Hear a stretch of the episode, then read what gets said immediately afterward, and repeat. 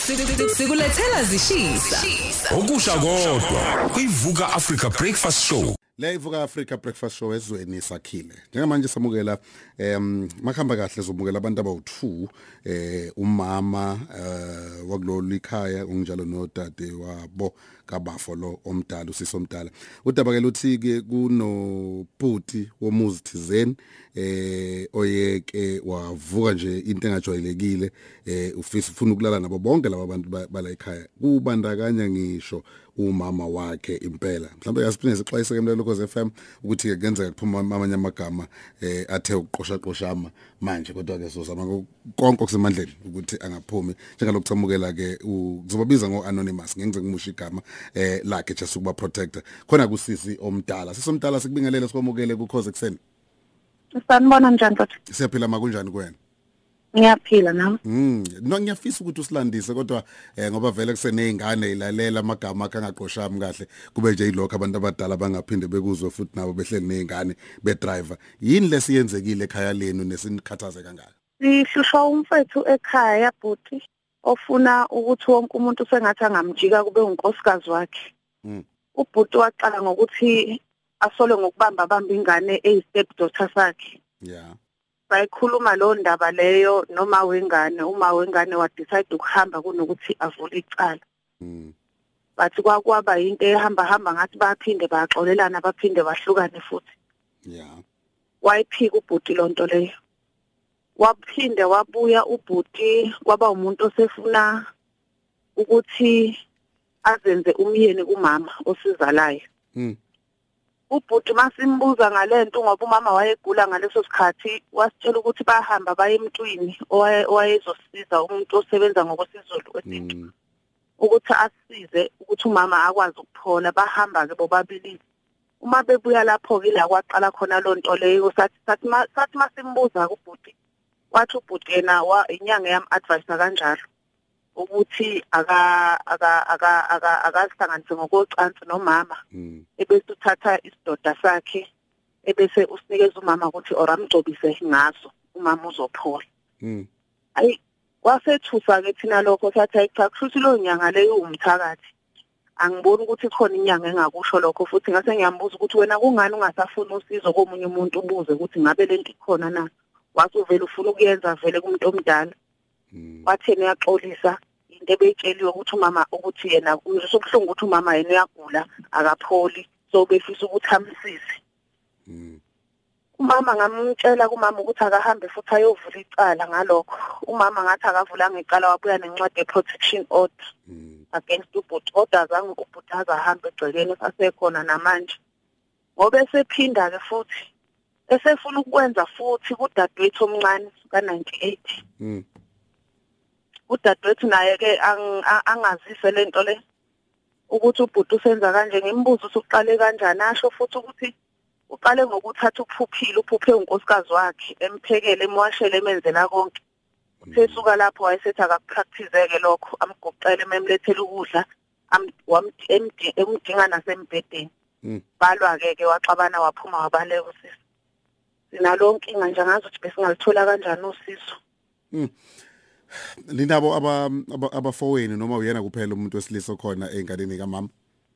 uyena kuphela nje okhona njengamanje Ungakanani lo muntu? oka oka 88 Hmm.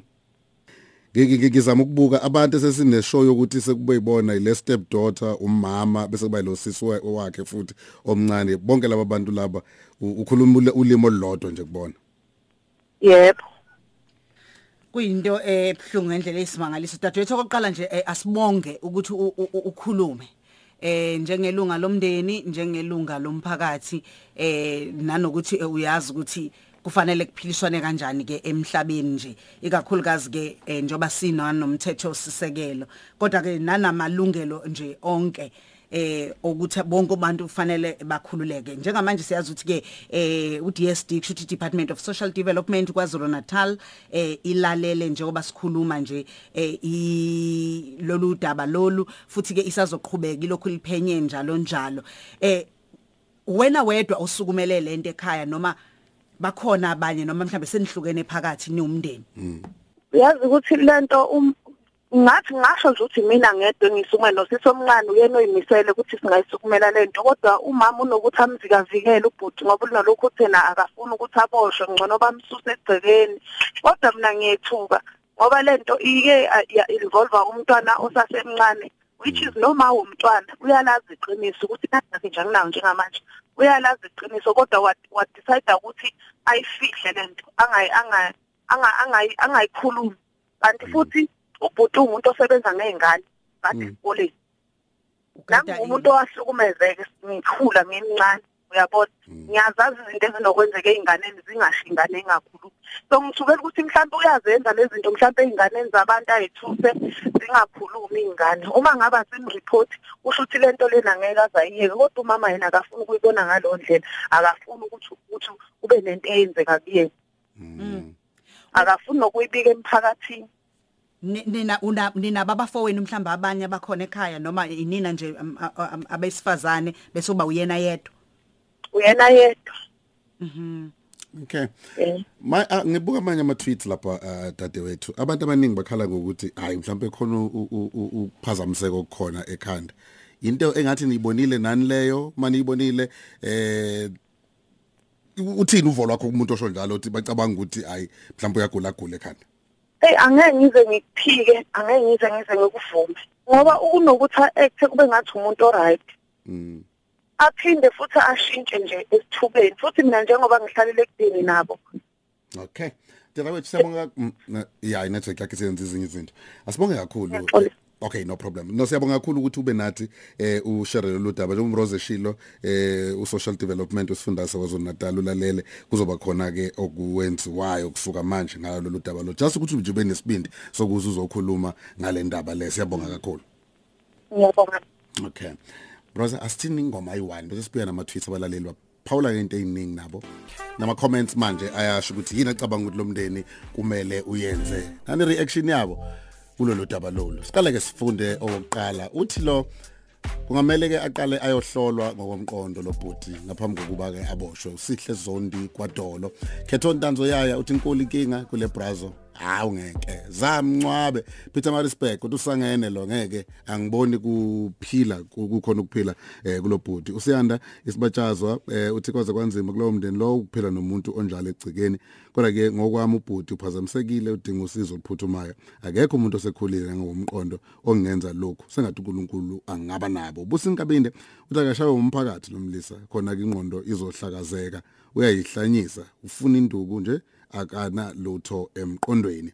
Ngamoliswazi uthi khona ke ungahambi kahle kubhodi kudinge kuba ke khona ithibe khona inyathelo ezithathwayo mhlawumbe nosizo lwezengqondo. Akekho umuntu ophile kahle emqondweni ongenza lezi zinto hayi kuyashaqisa sibonge isibindi sika sisi um bekugamoliswazi lo zamafuze uthi eh zamafuze khuzwayo uthi ke ukukhohlakala nokubola komfana ngingaze ngizwe into enjena yijele lodwa kulomfana aliphenywe ibheshu kuye ke lomfana uyazi ngibona omunye la umJ Mazakazaka eh la ku Facebook uthi ke akutholakale ke leyo nyanga leyo eyamtshela lokho eh bese ke kudilwa nabo bo2 angithi ke usisi wakhe uthi ke wayalelwa inyanga ayivele ke leyo nyanga. Ngeke sike sambuza ke udadewethu la eh uyasho uthi cha eh noma yena engayazi inyanga kodwa umama kufanele ukuthi uyayazi inyanga ngoba wayekade ihambe naye umfowabo.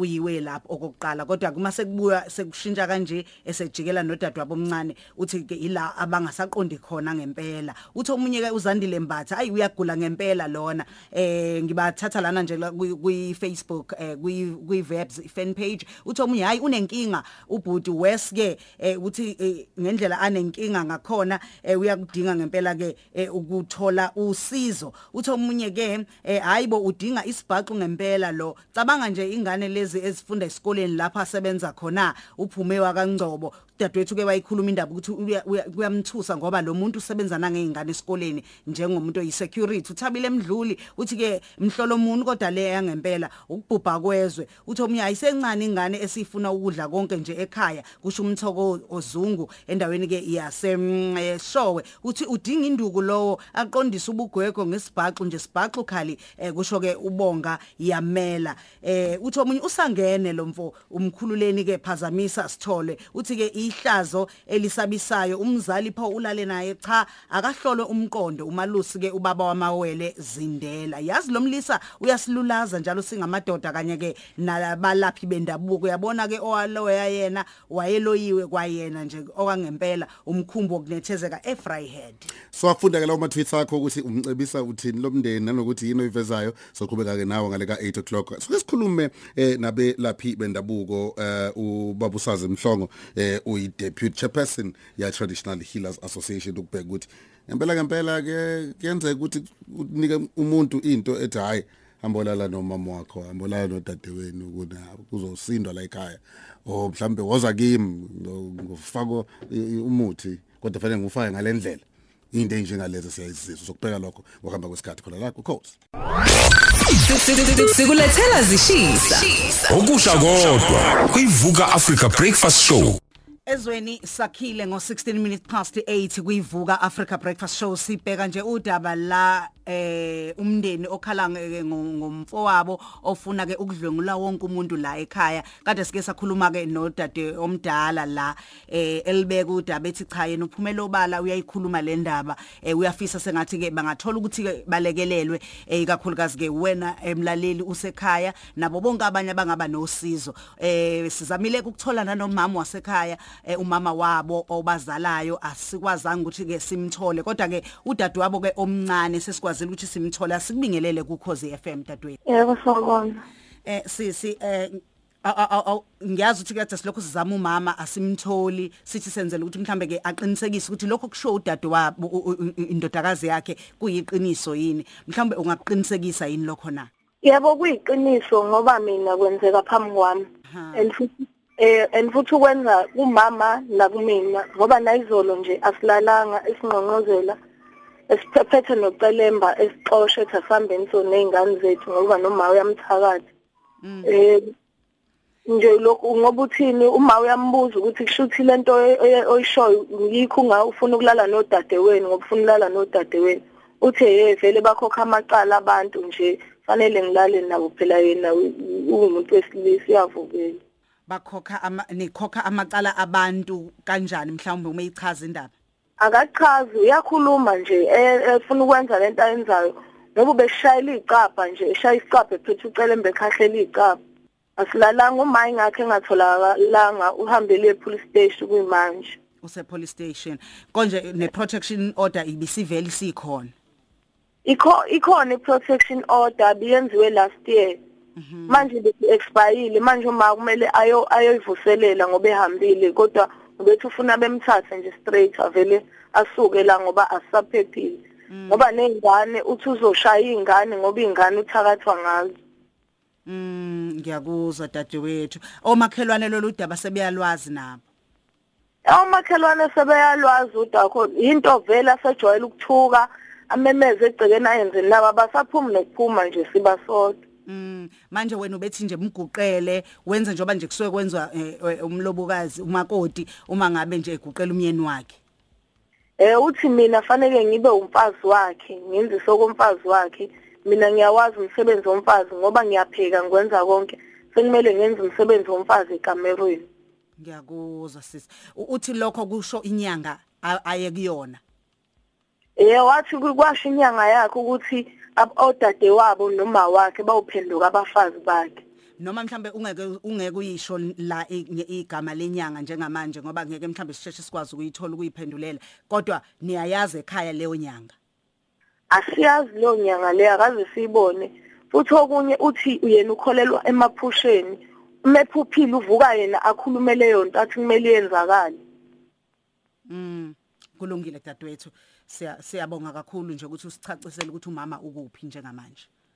Eh nami ngiyabonga. Yeah Singakhuluke kudade wethu omncane uyasitshela ukuthi kumama kalibamba ucingo ngenxa ukuthi ushiya ifone usephuthume epolice station. Sina sakhuluma ngokuthi ukuhlupha ngalokho ebusuku bayizola balalanga eh bagijimisa ngocelemba eh qhubeka nakho ke lokho akwenzayo. But kwamanje asamukele eh ubaba usazi mhlongo eh ume lapho endabuka phinde futhi ke abe iphini lika sihlalo we tra- we traditional healers association eh esinayeke namhlanje. Njengoba kamkapa sikubingelele mfowethu kwamukele kokhosi ngiyabingelela umsakazi nabalaleli bakho. Ngokusebenza kwenu ngiyazi ukuthi nine nine association enisebenza ngaphansi kwayo nakho vele uyiphini likasihlalo wa- wa- wakhona. Iyenzeka yini indaba yokuthi kube khona umuntu olapha omunye amlaphe ngokocansi? Ngicabanga ukuthi eminyakeni ngamashumi amahlanu ngiwumelaphi angikaze ngikuzwe lokho. Kodwa ke futhi okwesibili mangilalele lapha emsakazweni u- u- ukhinga lolu kusho ukuthi uhlanya lolu hayi a- akekho umuntu ophilayo ong- ongenza izinto ezinjengalezi siyafisa ke kodwa nokho ukwazi ukuthi ikhona ngempela leyo nyanga ngoba nazo inyanga sezabhecwa ngezinto eziningi okugcina kuzenza izitha zabantu kusukuthi anye nje livele lubheka inyanga lusho konke lokhu ngoba ngabe kungcono nabasekhaya ukuthi bayayazi leyo nyanga ukuthiwa yiyona ethe akenze lokhu ngoba angikholwa ukuthi inyanga eyilapha ngempela nehlakaniphile nje ebhemayo lapha emakhaleni ingathi umuntu akenze lezi zinto ngoba kuyihlazo lokhu Mm. Kule kwezinye zezitori sesingaliqedi nje lolu nalo lisekhona uzwa kuthiwa umuntu athi hayi mina ukuze ulapheke i- ngizothatha ngiyigcobela kimi ngiyinyanga bese ngiza kuwe ngokwenze njalo nawe. Hawu uyobe usulaphekile.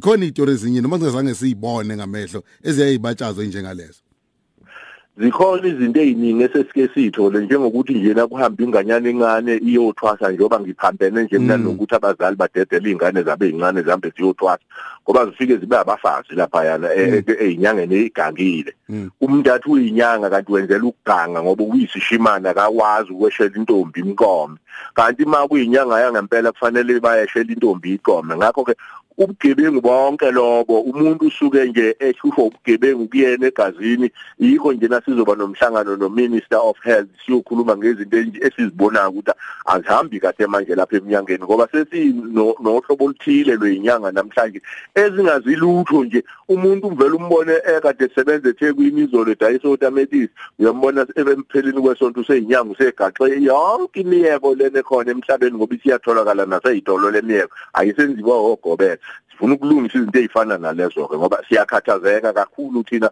njengabantu esathwasa sa- sa- sa- sa- satshelwa ngemithetho yobunyanga ukuthi kufanele umuntu ayiphathe kanjani. Sesivala nje mangathiwa kutholakala ukuthi ikhona ngempela lenyanga i- ivume nayo. Ikhona izinto nibathathele zona eh njengeinyathelo uma kuukuthi udukisa abantu noma amakhasimende akhe kanjalo. Ijele lihle nje kakhulu kuyena. Futhi kufanele ayeke nje ukwelapha ngoba akuyona inyanga leyo. Wow. Njengoba nisabonga kakhulu mfethu ube nathi kukhoze FM ekseni okay. Sibonga kakhulu. Lawa ke usazi mhlongo eh uwumlapho wendabuko aphinde futhi abeke u deputy chairperson we traditional healers association. Le yivuka Africa Breakfast Show. ukhozi FM Hamba phambili. phambili.